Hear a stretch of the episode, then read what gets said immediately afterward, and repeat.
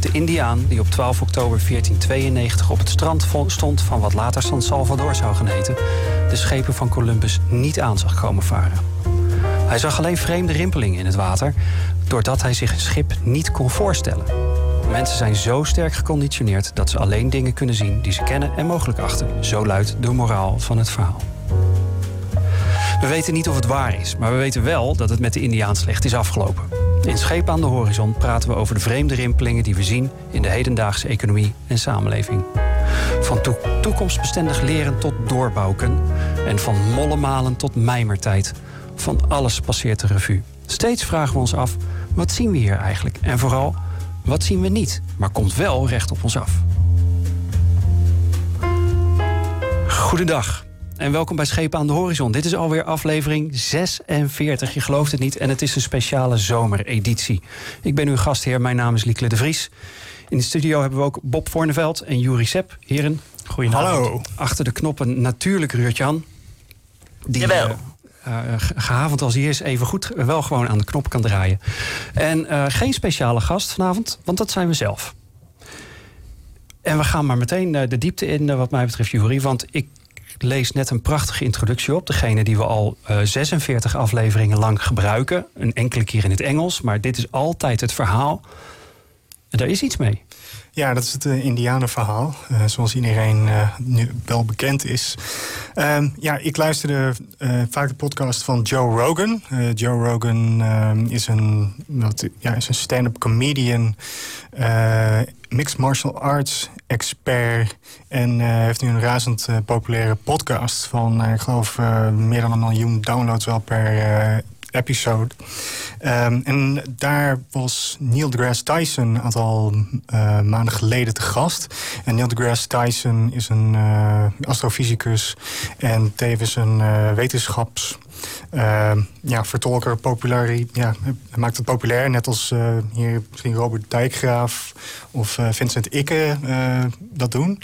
En ja, hij, hij had het ook over dat Indianenverhaal. Want dat komt uh, voor in de documentaire What the Bleep Do We Know.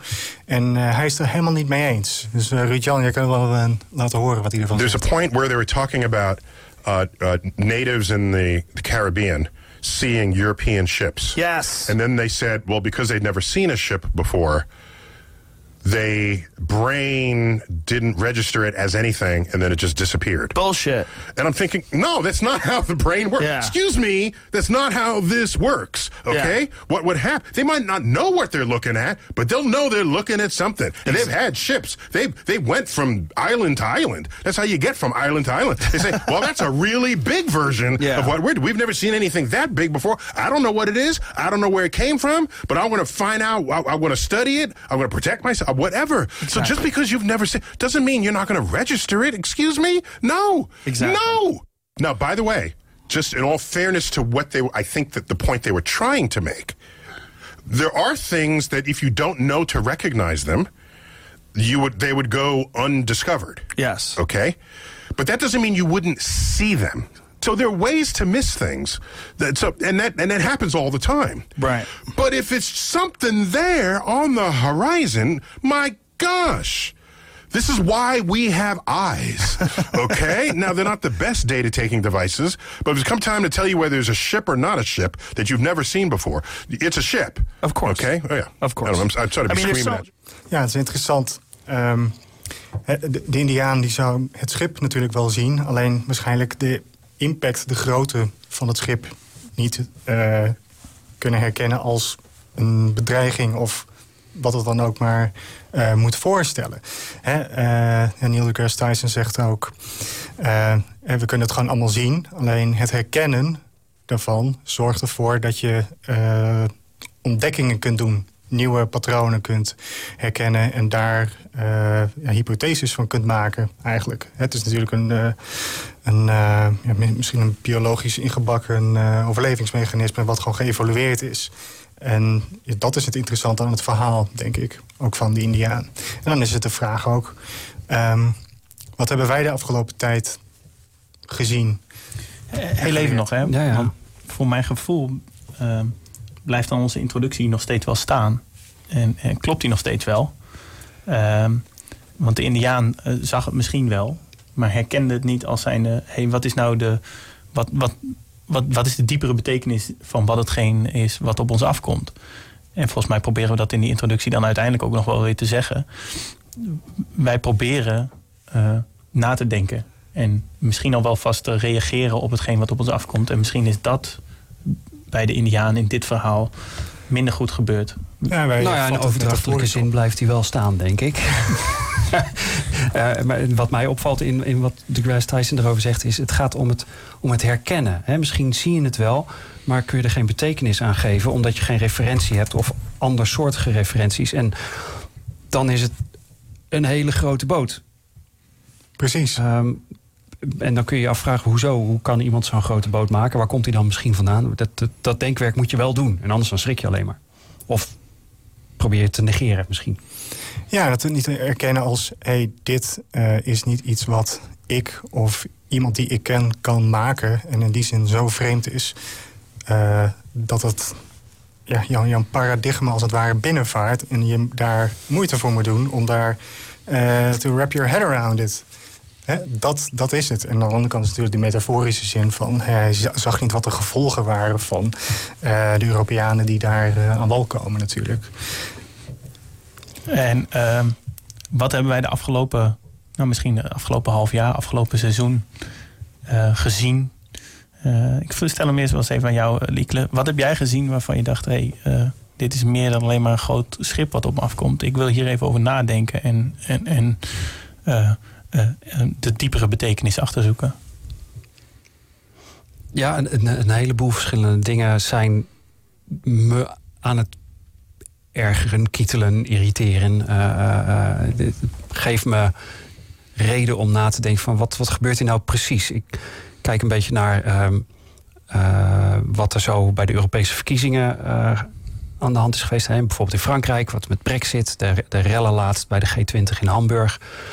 Uh, en tegelijkertijd die toegenomen vrijheid, intolerantie. Dit zijn allemaal dingen die bij mij over elkaar heen buitelen. Waarvan ik me dan afvraag: is het, is het nou één ding? Zijn het dingen die op elkaar inspelen? En, en hoe gaan we daarmee om? Ik ben op dit moment een boek aan het lezen en dat heet um, the, the Sovereign Individual. En dat is uit 1997.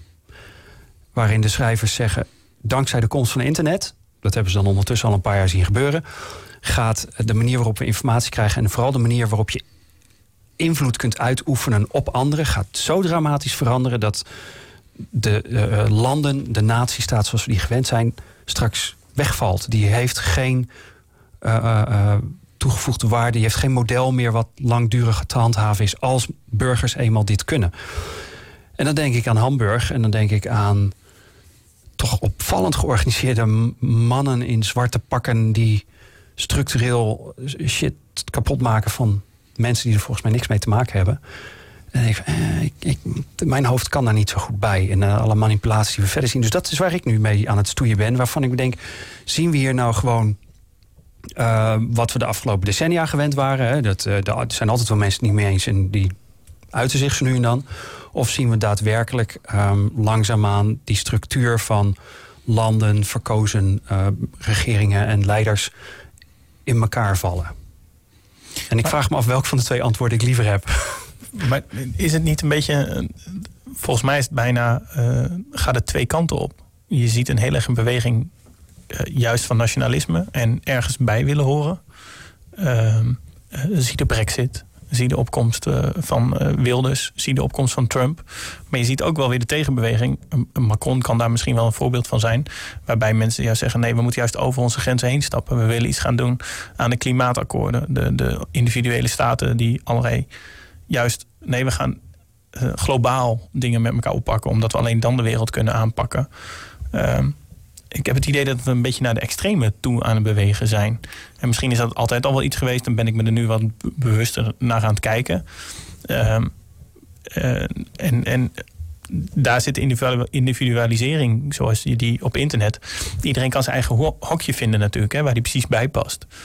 Um, want uh, er loopt altijd nog wel iemand bij rond op de wereld die er ongeveer hetzelfde over denkt als jij. En daar kun je je dan lekker bij aansluiten. Maar je ziet een enorme versplintering naar de uiterste toe. Ja, ik denk dat het uh, uh, naast elkaar bestaat, inderdaad. je hebt, ehm, zoals jij zei, nationalisme is natuurlijk ook een, een maar dat komt door een gevoel van bedreiging van buitenaf. Of uh, iets, iets wat je, je, eigen fundament en je identiteit erodeert. Um, aan de andere kant is er een beweging van we willen groei. He, die wil wat meer. Uh, moet beter georganiseerd worden. Er zijn, de problemen worden groter. Worden, uh, gaan over grenzen heen. Je hebt de migratie, het klimaat natuurlijk. Ehm, ja, dat, dat zorgt voor een, of dat, behoefte een internationale aanpak. Alleen lijkt het midden daarin weg te vallen. En er zijn natuurlijk ook al verschillende theorieën over. Wij waren vorig... Uh, wanneer was dat? In december geloof ik bij Let's Grow. Mm -hmm. Uh, had je Farita Barki die uh, ook sprak over het einde van het midden. Hè, dat dat dus vloeibaarder wordt. Uh, nou, jij hebt uh, boeken van Piketty bijvoorbeeld, die ook daarover gaat. Het gaat steeds meer over de haves en de have-nots. Um, dat zijn processen die ja, echt de wereld nu hard aan het veranderen zijn. En de vraag is hoe je dat oplost. Um, Terwijl tegelijkertijd, en dat is dan toch ook wel superleuk... Um, de wereld in zijn geheel elk jaar weer beter af is. We zijn met z'n allen gezonder, we worden langzaam rijker, dan wel minder arm, we leven langer. Minder kindersterfte. Uh, Hans Rosling, hij is kort geleden overleden, maar die, die had daar ook een, een heel sterk, heel erg positief georiënteerd verhaal. Hij zegt, je moet, je moet wel een beetje naar die lijn blijven kijken. De, de grote links lijn. rechts van alles, maar uh, de grote lijn gaat heel erg de goede kant op. En toch praten we onszelf kennelijk aan dat het allemaal vreselijk misgaat. Maar dat is een praten we onszelf dat niet aan? Is het echt zo? Maar is, is dat ook niet een beetje de waan van de dag? Ik bedoel, uh, uh, we hebben het nieuws wordt steeds toegankelijker, steeds meer dichtbij. Uh, ik, ik, ik, ik word soms geks van de nieuwsupdates die ik van allerlei nieuwsmedia naar me toegestuurd krijg. Wat soms echt helemaal over niks gaat.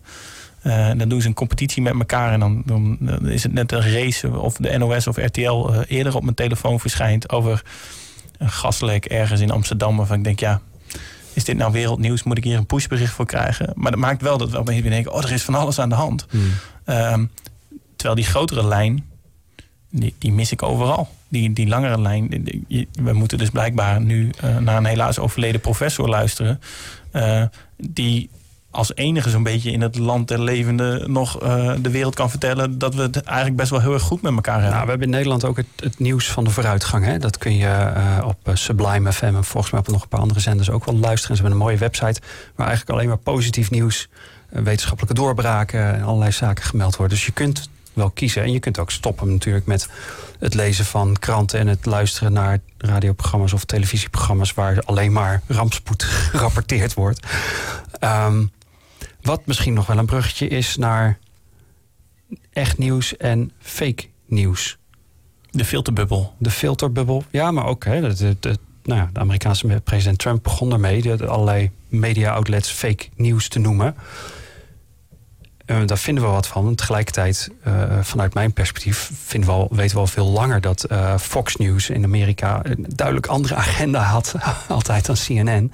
En ook aantoonbaar informatie anders presenteerde en soms ook fout maar, ten opzichte van feiten. Maar is het nu, wat volgens mij nieuw is, is dat we nu niet meer een mediakanaal nodig hebben om de berichten te horen van een wereldleider?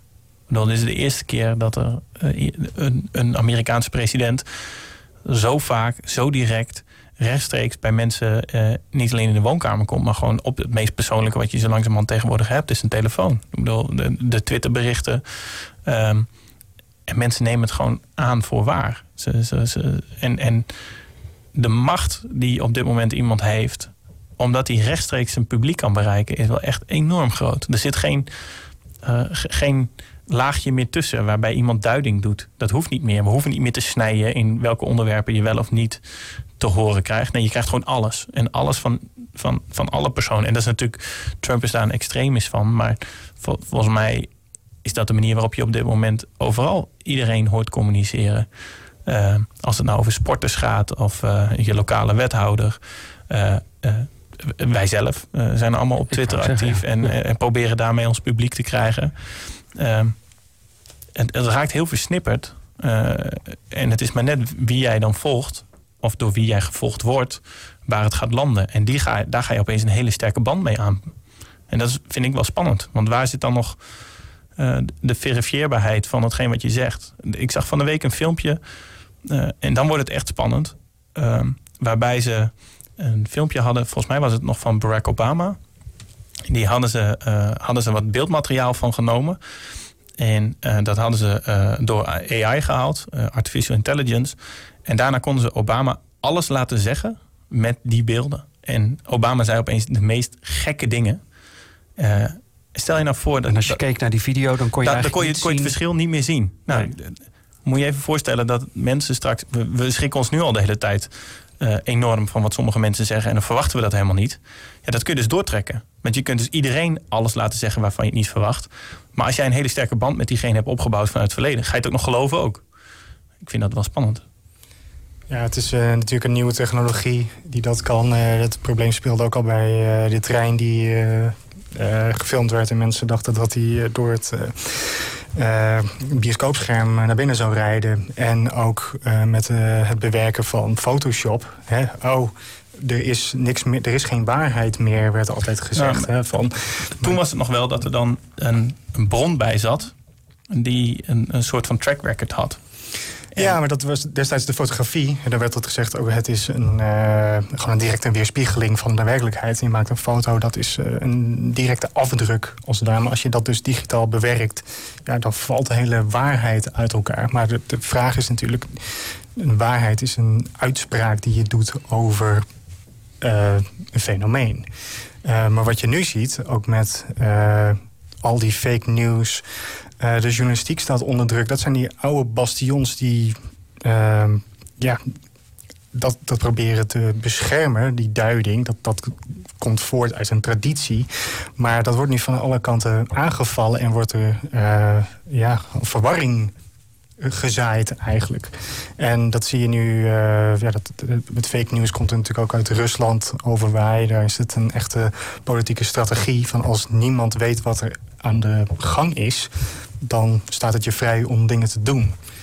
Dat, is, ja, er zijn een aantal theorieën die, uh, die, die ik voorbij zie komen op internet. En, uh, geen idee of dat allemaal waar is. Maar uh, ja, dat is het ook. Je moet je eigen kritische vermogens natuurlijk ook aanspreken. Een kaleidoscopisch ding van wat, wat Alice in Wonderland-achtig. Van wat, ja. wat, ja. Waar kijk ik nou nog naar?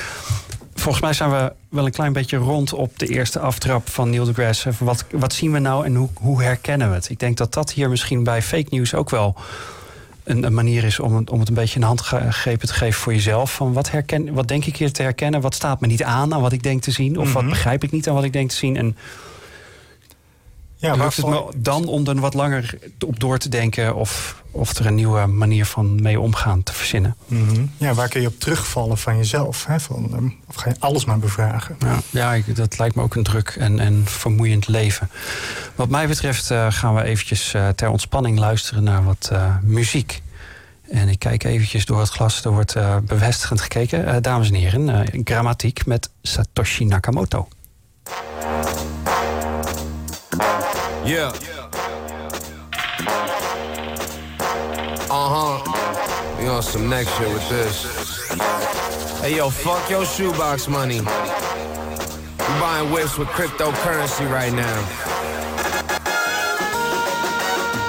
Uh, yeah. Tyler Durden, make them holler murder. Take them to the highest point of the earth, no need to follow further. The shit is universal, no time to do rehearsal. I never take a break, that shit is too commercial. I wasn't raised different, I was made different. Flow don't fuck around like it was raised Christian. Anti-social with these kids, we don't play with them. We just keep a small circle and we stay lifted. I need Monopoly bread. So if it ain't sex, then it gotta be happy. So you got some candles, I prefer the sloppy instead. Do my own thing and they prefer to copy instead. The money got them in a frenzy, probably wanna envy. Glass half full, but the bottle's left empty. Baby, I'm a gentleman, but I don't do it gently. Backwoods with the henny, back good, never trendy. That kush got plenty, I be off of the field. In tune with the rhythm, now I'm leaving the room. Let the mood reawaken like I'm out of the tombs. Each room's keep moon, going out with a boom. For the gold, I be walking every road on the map. Get a vibe low key and the flow is relaxed. But when the smoke is in the air and we pouring the jet, we like singers, turn actors, we don't know how to act. Switch it up, let your bitch pop a bean and a half. Got a queen hitting ass, sipping lean in the bath. Bank robbery, we going and we leave with the cash. We just getting what we need, see no reason to ask. Drugs unlock doors in my mind where I never go. Learning to acknowledge while accepting what I'll never know. Living in the moment while we can, cause you never know. Just take the energy you got, baby, and let it go. Go, King to spit a sonnet, sonically colder than comets. Surf a rocket to the moon, and can nobody stop it. I'm hyperbolic, my words curve extra wavy. You'll paint a map of the sky, shit, you could call me Haley. Before that cold shit, just a cloud of smoke. Oh. When you realize you don't know shit, the quicker you gon' roll. Got that van, gon' blow, go crazy on a sorry night. Hate a couple rumors on my way here, and I'm feeling right. Hop about the whip and say what I say, everyone around. Let me get a show, then you already know how I get down. Overdone, say I'm overdue for all these accolades. I don't really think about it, I'm just trying to rap and pace. Stack a couple bitcoins, haul up on my Nakamoto. Chillin' with your lady friend, she rock a red on Takamono. Posted up in Acapulco, shout out to the homie Smoko. Loco at the up. Posted for the Benny photo. Epiphanies on symphonies, epic epigrams, man, these words last for centuries. This shit's timeless. Grab it on your tomb. Don't say the sky's the limit when there's footprints on the moon. Moon walking on the sun, sun beaming, I'm a star. Star shooting into space, spaceship it up to Mars. Yeah, I'm universal. My purpose to personal. This path and give back, that's how life's supposed to circle. Uh. Yo, G, roll that purple, run that beat, back reversal. I don't need no damn rehearsal. This is internal, eternal. Life is like a flick, leaving space for the horns. That's my shit. Uh, until we meet again, paint the world with brighter colors. Word to the pride mob, y'all my sisters and my brothers. One time for the lovers, spread that energy around and keep it all in motion, getting lost inside my sound.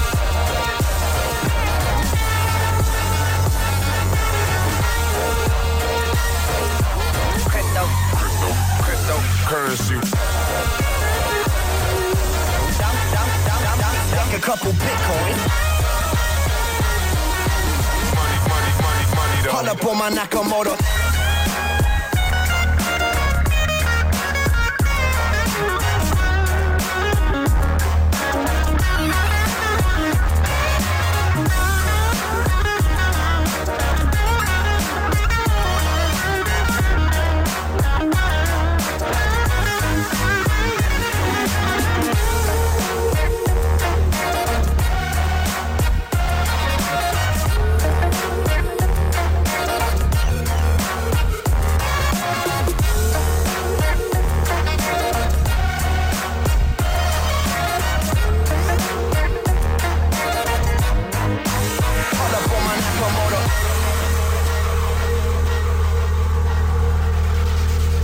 Is Schepen aan de Horizon. Uh, Liekle, Juri en ik, Bob, eh, praten eh, een avondje met elkaar de zomer door.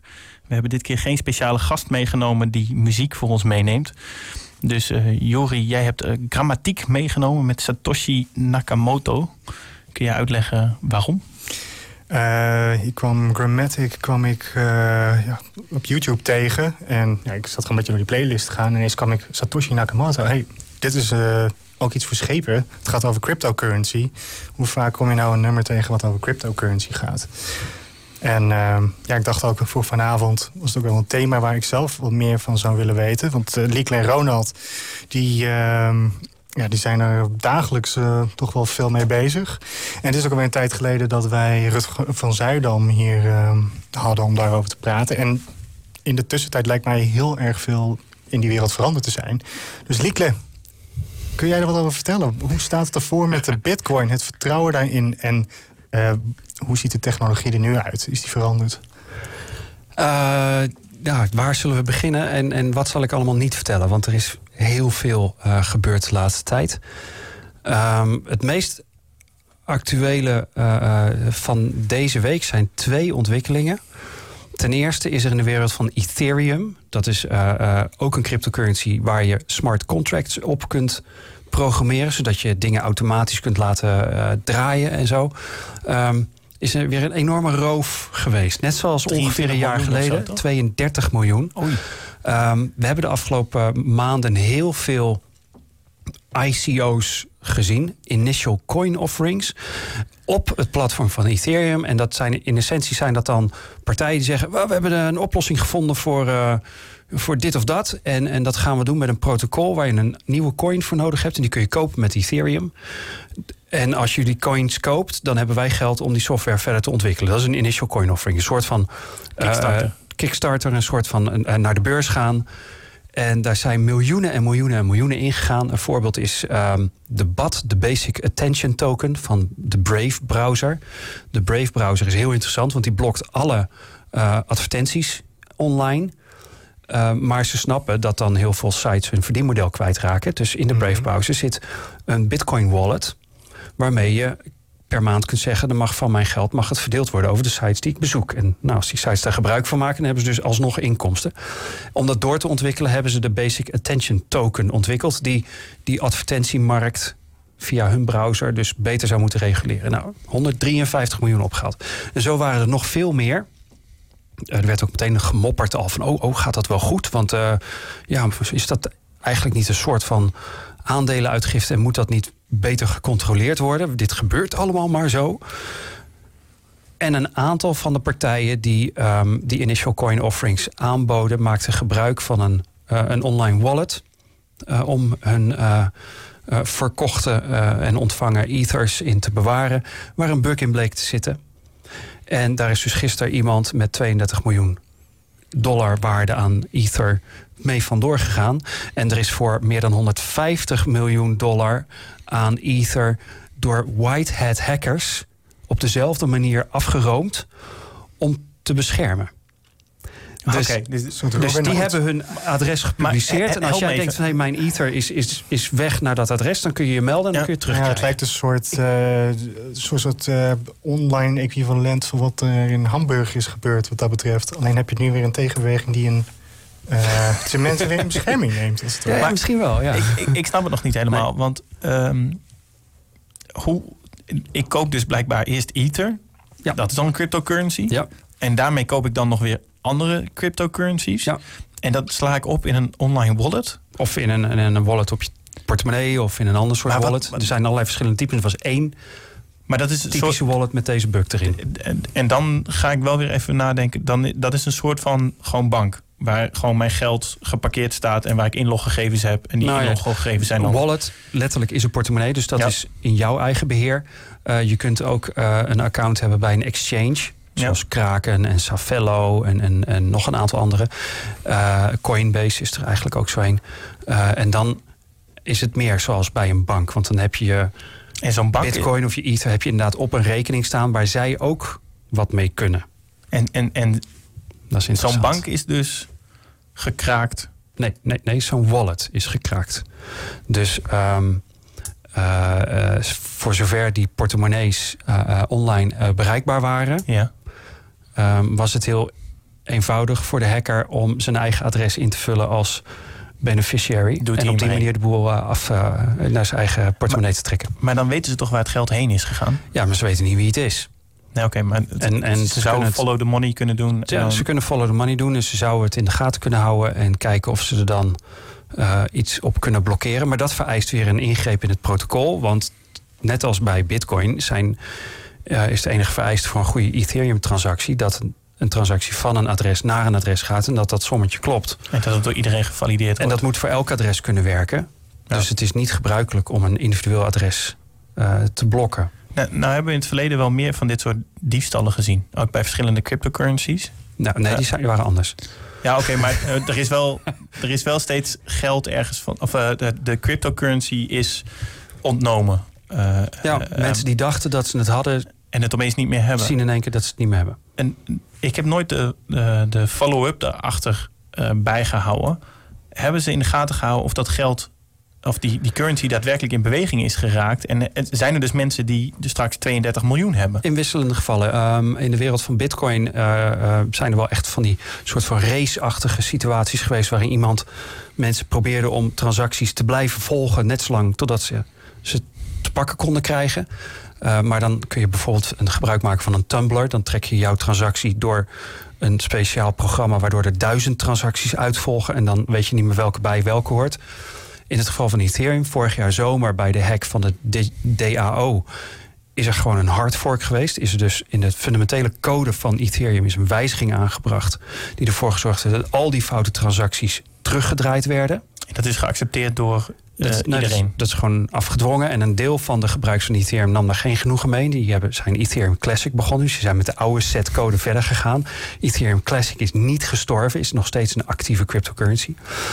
En nu is de vraag wat hier gaat gebeuren. De, de manier waarop er gehackt is... maakt een hard fork niet, eh, niet, niet waarschijnlijk als beste oplossing. Ehm, dus er is wat dat betreft... Ja, het is Wild West. Het is fenomenaal, fascinerend. En het lijkt wel alsof er elk jaar bij Ethereum een hard fork is. Dat is omdat het nu voor de tweede keer op rij in een jaar... Dat, dan moet je, Eh, of, eh, zo'n- je zo'n moet het weer is. opnieuw uitleggen. Wat, Ja. wat is een hard fork? Oké. Ehm, we het- hadden maar het- weinig tijd, hè? En een splitsing, toch? Ja, ja. Nou, het is software. Ja. En als je software eh, update, wat we allemaal eigenlijk altijd heel fijn vinden, nieuwere versies van je, van je programma's die je graag gebruikt, dan, ehm, eh, dan bouw je voort op de software die er is. En eh, wanneer je dat doet op een manier zodat partijen die niet upgraden wel mee kunnen blijven doen, dan noemen ze dat een soft fork. Als je ehm, de regels van de code, de software zo verandert dat oude partijen die niet upgraden eh, achterblijven, niet meer mee kunnen doen, dan noemen ze dat een hard fork.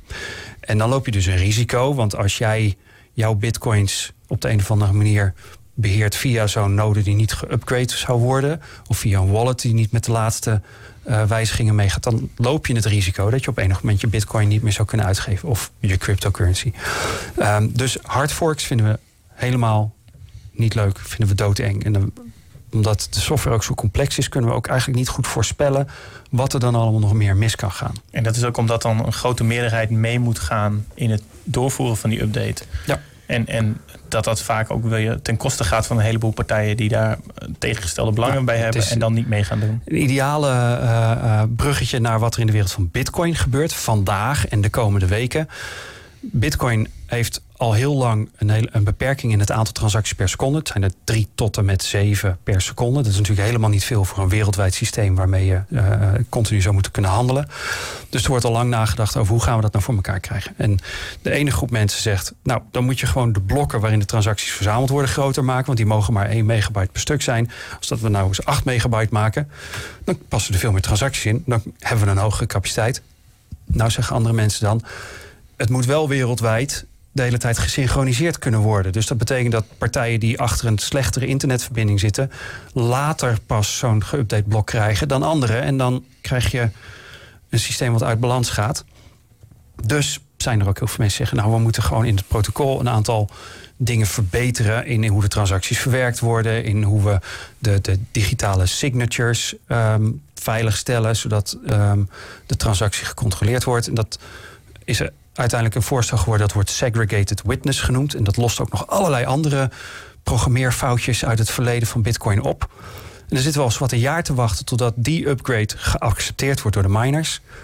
Ehm, Ze hebben wat En- deadlines daarvoor gemist, en toch? Dit is de periode waarin een aantal deadlines nu razendsnel op elkaar volgen. Waarschijnlijk is bij, nou, tegen het eind van deze uitzending live, is het BIP91-protocol daadwerkelijk, eh, ehm, of de BIP91 upgrade is daadwerkelijk geaccepteerd, is door voldoende miners lang genoeg in gebruik genomen dat die nu definitief nieuw standaard wordt.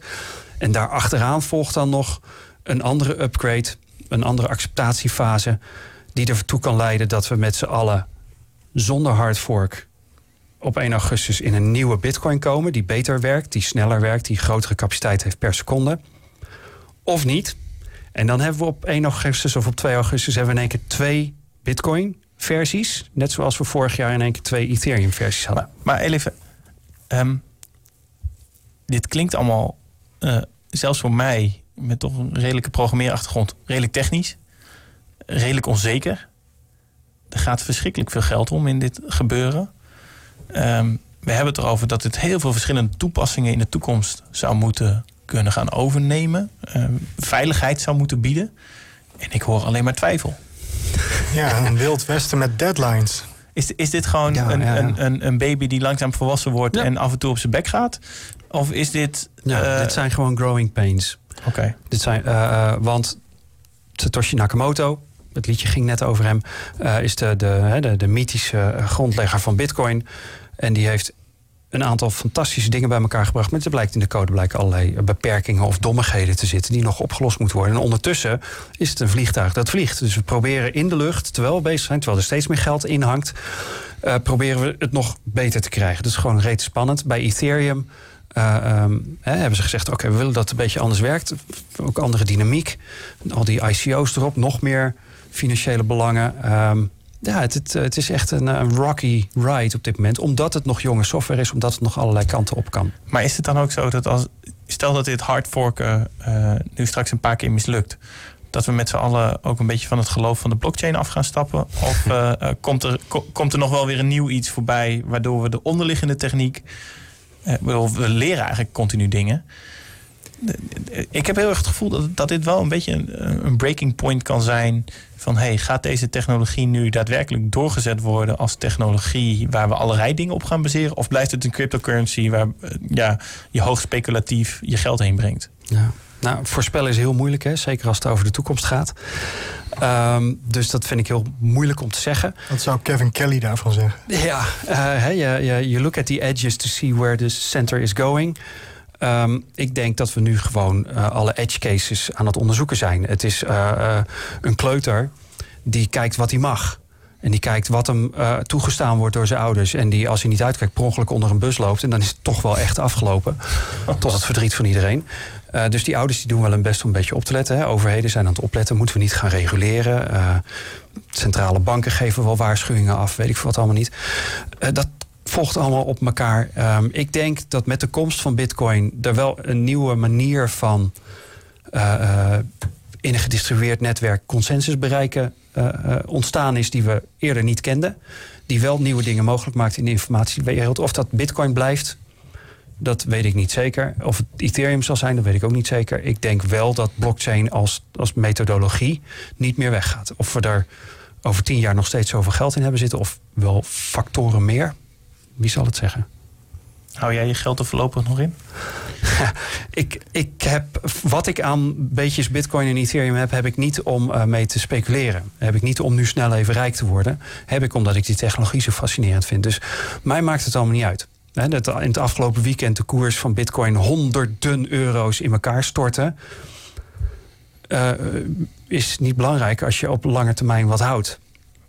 Dus uh, ondertussen is, gaat het ook alweer leuk omhoog, omdat het BIP 91 nieuws zo positief lijkt. Het gaat mij over die, over die technologie. En uh, als ik dan over een paar jaar heel erg veel geluk heb en daadwerkelijk uh, John McAfee's voorspelling uitkomt dat het 500.000 dollar per bitcoin waard gaat zijn. En hij dus niet zijn penis op televisie hoeft op te eten. Dat is de wetenschap die die aangegaan is. nou ja, dan, kom ik er goed uit. Maar in de tussentijd vind ik die technologie veel interessanter dan de koers. Oké, dan gaan we nu naar iets uh, anders eetbaars en waarschijnlijk net zo complex. De eierbal.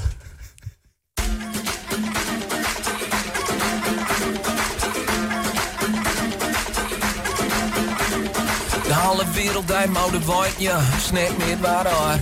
We gaan ook al dan in de les, moet me gek meer, snack met waar haar.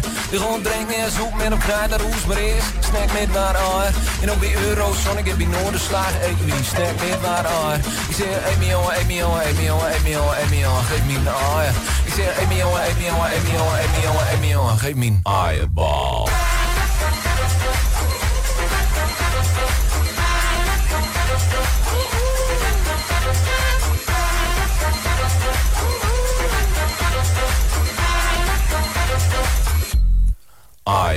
Ik zag, ik kwam en ik overwon. Beter, ik zag, ik won, ik kwam. Wij zeggen hier ai en dus geen ei. En niemand die hem beter maken kan. Naar de boekie, boeketje weer shake and fly. Zegt niemand hier ooit nee. Dus ik vraag aan haar of ze met me meegaat. En ik zeg, doe maar mee. Eerst op stap en dan nog heen. Hier in Groningen is daar de rechte leep. Het is de beste verder werk. Ochtends vroeg is er maar één en goede snack. Met wat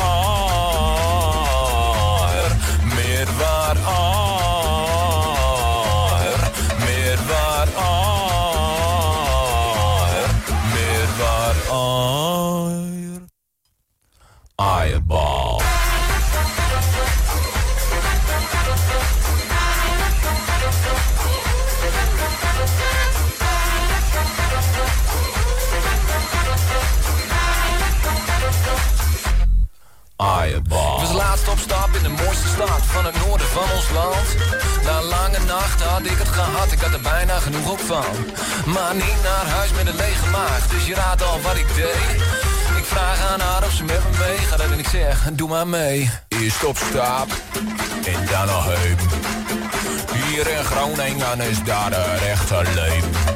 Het is de beste verre bek. Ochtends vroeg is er maar één echt goede snack. Met wat aar, met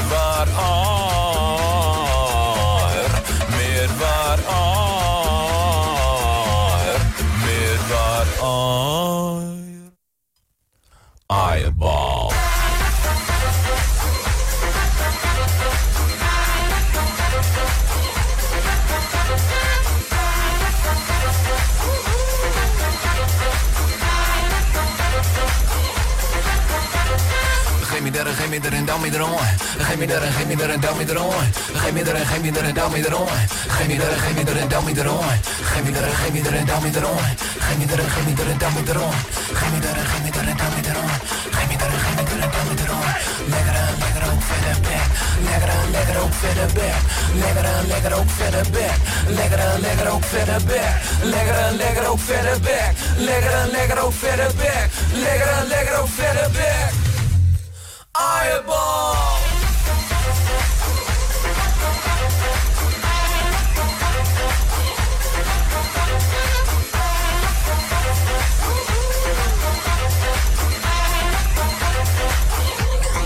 Eierbal.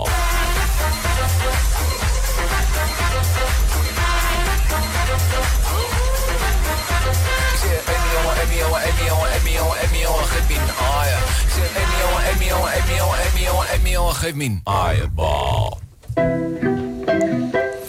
Dat was de band Van de Straat met Eierbal. Keuze van Liekle. Ja. Waarom dit nummer? Nou ja, omdat het hartstikke vrolijk is. Omdat het over eier, eierballen gaat. Eh, een typisch Groningse lekkernij. En eh, eh, ze, ze doen gewoon iets heel grappigs. Ze pakken bekende grote hits. eh, en daar maken ze dan een Groningstalige variant op. En het schijnt geweldig te zijn voor feesten en partijen. Eh, en ik dacht, ach leuk, lo- los zomers. Die gooien we er even in. Zeker, ja, want eh, het is wel complexe materie waar we het over hebben gehad Precies. de afgelopen tijd. Ehm, we zouden het nu gaan hebben over podcasting. Toch? Ja, over onszelf, Over, over onszelf. En ja, wordt het een meta-analyse dan? Hey, de- de- de- volgens mij mag je tegenwoordig niet meer een podcast maken zonder dat je het over podcast hebt. En eh, eh, nou, dan, dan ben ik wel getriggerd om dan mee te doen in de host. En eh, eh, ik, ik- het is de reden, het hele fenomeen podcast is waarom ik hier nu in de studio zit en, en onderdeel ben geworden van de schepen. Leg uit. Ehm, eh, in, de, in de oude tijd, en dan praat ik over nog maar twee of drie jaar geleden, zat ik heel veel op de racefiets. En eh, hadden we nog niet eh, onbeperkt data, eh, onbeperkt internet op onze telefoon. En ik luisterde vroeger altijd heel veel radio als ik op de fiets zat. Maar ik had niet meer zo'n radio-ontvangertje die mee kon op de racefiets. Dus ik ging gewoon een podcast downloaden. Die had ik dan op mijn telefoon staan. Die had ik gewoon via de wifi binnengehaald. En dan ging ik podcast luisteren. En dan ga je een beetje om je heen kijken. En dan uiteindelijk kom je dus iets tegen wat in Groningen blijkbaar gemaakt wordt. Iets dat Schepen aan de Horizon heet. Eh, en dat ook nog eens een keer over de toekomst gaat. eh, terwijl daar mijn interesse meer en meer naartoe ging om over de horizon heen te kijken. En niet alleen maar met het hier en nu bezig te zijn. Eh, Je bent gewoon onze eigen Lars Ulrich. De, de, de jongen die tegenwoordig, of de man die tegenwoordig drumt in Metallica, maar Ja, ja. eerst een hele grote fan was. En, en ja, is op dat die manier probeerde in de band te komen. Ja, ik, ja. ik, ik, ik geloof niet dat ik zo'n goede drummer ben als hij. Maar, eh, eh, maar nee, nee, maar eh, ja, gewoon als fan gezegd: hé hey jongens, ik wil graag meedoen. En nou, direct welkom ontvangen. Maar het heeft voor mij ook nog wel een keer weer opnieuw naar mijn lijstje podcast laten kijken. En ook, volgens mij zijn we allemaal wel een beetje podcast-fan. Dus we hebben elkaar ook aangestoken. Dus mijn telefoon staat op dit moment wel vol met 30 verschillende soorten podcasts. En eh, het heeft bij mij het hele fenomeen radio eigenlijk een beetje uit mijn leven gehaald. Omdat ik nu heel, eh, ja, weer een beetje de filter eigenlijk. eh, maar wel kan luisteren naar de dingen die ik leuk vind op het moment dat ik ze wil horen. En niet meer integraal hoef te luisteren. Netflix met z'n allen. Nou, en eigenlijk is podcast de, wat mij betreft de Netflix voor de, voor de radio. En ik vind het fenomeen radio gewoon heel lekker. Want het zit, het zit heel dicht bij je. Het is heel persoonlijk. Zeker als je het, mag niet en je moet het vooral niet doen. Maar als je op de racefiets zit en je hebt oordopjes in en je bent twee uur lang aan het fietsen, eh, kun je een beetje van de wereld afsluiten en kun je gewoon lekker meeluisteren eh, naar onderwerpen die je interessant vindt. En eh, ja, ik vind, het, ik vind het een heel boeiend fenomeen en zeker omdat het eigenlijk ook al best wel oud is. Volgens mij was het eind jaren negentig of zo, is, het, is, het, is de technologie erachter bedacht. De, de techniek erachter is gewoon een mp3'tje. Nou, dat bestaat nog weer wat langer. Maar ik heb wel het is idee dat... ondertussen zelfs het patent vanaf, hè? of wat was het ook weer? Ja. Ja, ze hebben het vrijgegeven, geloof ik. Ja, we, wel, want we hebben betere varianten. Eh, maar even gewoon, het, het is heel simpel. Het is gewoon een bandje dat opgenomen is in veel gevallen. eh, alleen gedigitaliseerd. En je kunt hem heel makkelijk binnenhalen. En ik heb het gevoel dat het met een enorme revival bezig is. Eh, ik ben een enorme wielrenliefhebber. Niet alleen zelf, maar ook vooral kijken naar hoe anderen dat veel beter kunnen. En eh, Lance Armstrong die gaat achter een microfoon zitten. En die heeft een paar miljoen luisteraars nu met de Tour de France. Eh, iedereen vergalde hem omdat hij eh, allerlei lelijke dingen heeft gedaan in het verleden. Maar nu zitten er een paar miljoen mensen dagelijks eh, drie kwartier te luisteren naar wat hij heeft te vertellen over de Tour de France. En volgens mij is, is hem dat ook overkomen. Eh, maar je ziet wel dat er rond al dat soort fenomenen opeens ja, mensen richten een podcast op en mensen gaan luisteren. Eh, ik, ik weet niet, Juri, jij vertelde mij wel eens dat jij in de auto eh, veel moet reizen. En dat jij dan ook de podcast luistert. Wat, wat, voor podcast luister jij dan? Ja, ik had het net over de Joe Rogan Experience. Daar luister ik eh, heel veel naar. Eh, dat is, ja, het is heel een laagdrempelige manier. Het, het duurt me- ja, soms wel drie tot vier uur met hele uiteenlopende gasten. Je had net over Lars Ulrich, die zat erin. Lance Armstrong zat er ook een keer in. En Neil deGrasse Tyson dus. Dan gaat het over comedians eh, tot ja, allemaal bekende mensen. Puur, puur uit eigen interesse. En ook eh, dat grote aantal downloads. Hij kan nu concurreren met, ehm, eh, ja, met, met Fox. Ja, met de Bijvoorbeeld pub- public radio. ja, ja. ja. dus dat zie je echt dat daar een hele grote verschuiving is naar de populariteit van dit soort podcasts.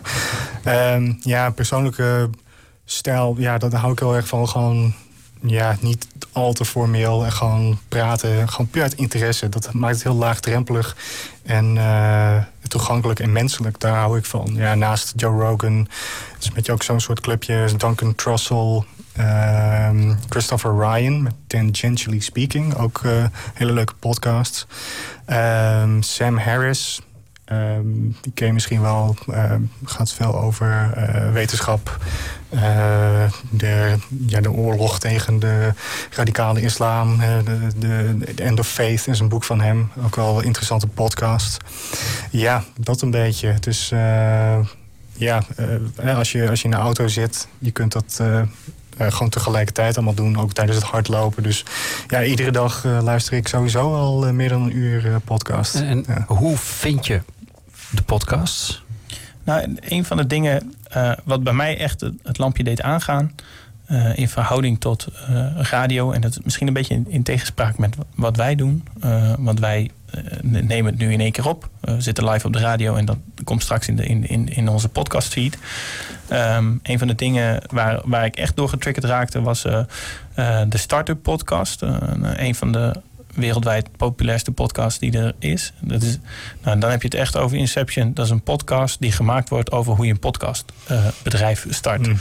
Ehm, en dat, heet, eh, dat is uiteindelijk Gimlet Media geworden. Eh, en ik, de laat, een van de laatste updates eh, die ze zelf in hun podcast eh, hebben verteld, is dat zij nu, ik geloof, iets van tien verschillende soorten podcasts hebben. Dus verschillende eh, eh, soorten eh, uitingen. Eh 60 man daarvoor eh, voor aan het werk hebben. eh, eh, rendabel zijn. Dus ook geld daarmee verdienen. En wat zij doen en anders doen. Eh, en dat, daar dus ook het verschil zijn tussen ons eh, eh, en, en heel veel van dit soort gewoon integraal opgenomen dingen. Is dat zij een, enorm geproduceerd verhaal ervan maken. Dus ze, ze gaan soms maanden zijn ze bezig met het maken van een, één aflevering van drie kwartier. Waarbij ze mensen interviewen, juist de muziek eronder zetten. Ze doen er helemaal een, een audiogevoel omheen. Het is bijna een hoorspel. Eh, maar je hoort het gewoon. Het is, het is, daar zit zoveel kwaliteit achter. Daar zit zoveel gevoel achter. Dat je dan echt eh, uitzoomt en, eh, en een heel ander iets meemaakt. En ik vind dat wel, wel knap. Want daar, er zit dus blijkbaar een dusdanig verdienmodel achter. dat je dus in plaats van uh, uh, iedere uur drie kwartier of iedere dag drie kwartier Lance Armstrong integraal opneemt, kun je dus ook één keer per week drie kwartier een volledig chic geproduceerde aflevering maken. En daar echt ook weer miljoenen mensen mee kan laten volgen. Maar, maar zijn dat dan podcasts waarvoor je eerst betaalt om ze te kunnen horen? Of zijn het podcasts waar advertenties doorheen zitten? of zijn het websites vol met advertenties? Waar, wat is het businessmodel dan? Nou, dat, dat is het mooie. Daar hebben ze wel wat verteld over toen ze uh, met die eerste serie eh, de Startup Podcast. Hoe doe je dat dan? Nou, het is voornamelijk volgens mij advertentieinkomsten. Er wordt grif voor betaald omdat mensen heel intensief luisteren naar zo'n podcast. Uh, pauzeren uh, en weer verder gaan luisteren. Dus je weet zeker dat als je daar een advertentie in plaatst, dat ze hem horen. Dus het bereik is daarmee heel groot, heel meetbaar. Wat met radio veel moeilijker is. En uh, uh, vaak hebben ze er een, een, een, webshop achter zitten waarbij je merchandise kan kopen. Uh, maar ook wat Gimlet doet is, je kunt een sponsorship. Dus je kunt jezelf voor 5 euro per maand kun je abonnee worden. Zonder dat je daarmee betaalt voor de podcast direct. Maar wel voor de dingen die ze anders niet uitzenden. Die kun je dan daar wel mee krijgen. Dus er zijn daar nieuwe verdienmodellen. Maar volgens mij is het nog wel steeds het ouderwetse advertentiewerk wat het beste verdient. Nou ja, misschien zit daar voor ons ook nog wel inspiratie in. Als je nou luistert naar uh, de podcast uh, en je denkt van ik zou al een keer sponsor willen zijn, het laat het ons eens een keer weten. Het zou zomaar mooi uitkomen. Want uh, wij doen dit omdat we het fantastisch mooi vinden. Ik denk dat dat er ook bij zit. Hè? Dus podcasts worden in alle soorten en maten gemaakt. Je, hoort vaak de, de liefde voor een bepaald onderwerp er heel erg in terug. Uh, en heel erg de diepte ingaan. Uh, omdat je daar ook de ruimte voor hebt. Je, hoeft, je, bent niet aan tijd gebonden. Je kunt de mensen uitnodigen die je bij wil. Nou, precies wat wij ook doen. Ja. Dus uh, ja, nee, inderdaad. Wij zijn wel gebonden aan tijd. Ja. En ik krijg geloof ik al een signaaltje. Dus ik ga eventjes de officiële afsluiting doen. Of ben ik nou veel... Oh, deze keer zijn de drie vingers drie minuten in plaats van 30 seconden. ja. Sorry mensen, daar moet u dan toch deze keer naar luisteren. Oké, dus we hebben nog heel even. Um, alle soorten en maten. De interesse voor het onderwerp. Nou ja, hopelijk horen mensen dat bij ons ook terug. Hè? Dat, uh, dat, dat, want dat is wel de motivatie voor ons om dit te doen. Ja. Wat, wat verwacht je ervan van podcasts? Hè? Want we zijn er ondertussen wel uit dat, dat dit soort ontwikkelingen. Uh, dit gaat niet zomaar de radio overbodig maken. Dat hebben we ondertussen wel geleerd van allerlei andere uit, bouten uitspraken over wat het internet nee, teweeg brengt. Het, het, komt er gewoon weer bij. Uh, en, het, uh, en uh, hetzelfde als Netflix zal de tv niet doen laten verdwijnen, maar het komt er wel bij. Je gaat weer diversificeren, je gaat weer een kanaal erbij krijgen. Ehm, je ziet wel, nou, bij ons ook, het is allemaal liefdewerk oud papier. we doen dit omdat we hier leuke hobbyisten voor zijn. daarmee daar moet nog wel een volwassenheid weer in de podcast komen. Want in Nederland denk ik dat er uh, weinig tot geen mensen zijn die hier nog geld mee verdienen. Je ziet nu dat dag en nacht media uh, in Nederland is opgestaan. Die heeft gezegd: hey, laten we een advertentienetwerk rondom podcast creëren. om te kijken of we er wat geld aan kunnen gaan verdienen. Uh, maar zolang dat het niet is, ga ik er niet vanuit dat dit de radio gaat wegnemen. Want daar kan nog geld verdiend worden. En ehm, nou ja, dus, dit komt er nog bij. En ik denk dat dat de volwassenheid nog wel uh, zal gaan. Die moeten nog aankomen. En het zou best wel eens kunnen dat. Stel dat wij genoeg luisteraars uh, straks binnen hebben, dat wij ook uh, een keer advertenties eromheen kunnen gaan plaatsen. En daarmee ook weer een kwaliteitsimpuls kunnen geven aan onze podcast. Het lijkt mij hartstikke leuk. De uitdaging is nog wel om ons bereik te vergroten. Hoe, hoe gaan we ervoor zorgen dat meer mensen gaan luisteren naar wat wij zeggen? Nou, misschien is het wel leuk om het een keer te horen van onze luisteraars. Hè? Dus, dus geef ons een berichtje op onze Twitter, uh, apenstaartje SHDHNL. Geef ons een berichtje op onze website shdh.nl. Geef ons een berichtje op de Facebookpagina. Laat eens horen dat je ons hoort. Laat eens weten dat je ons hoort. Dat is al heel leuk. En, en, en uh, wat moeten we de volgende keer gaan doen? Uh, die uitnodiging doe ik ook graag. Oké, nou, dan wordt het nu wel tijd voor de afronding. Uh, je luisterde naar de 46e aflevering alweer van Scheep aan de Horizon. Reuze bedankt aan onze partners, Oogradio, Voice Telecom, Warpnet, Warpnet en Studium Generale. Um, volgende maand weet ik niet wat we gaan doen, want dat hebben we nog niet besloten. Het is dan ook nog een beetje zomertijd, dus het is wat onbestendig. Ben je geabonneerd op de podcast, dan maakt het natuurlijk niet uit. Dan krijg je gewoon automatisch de volgende uitzending. Uh, hou ons in de gaten op Twitter en op sadh.nl.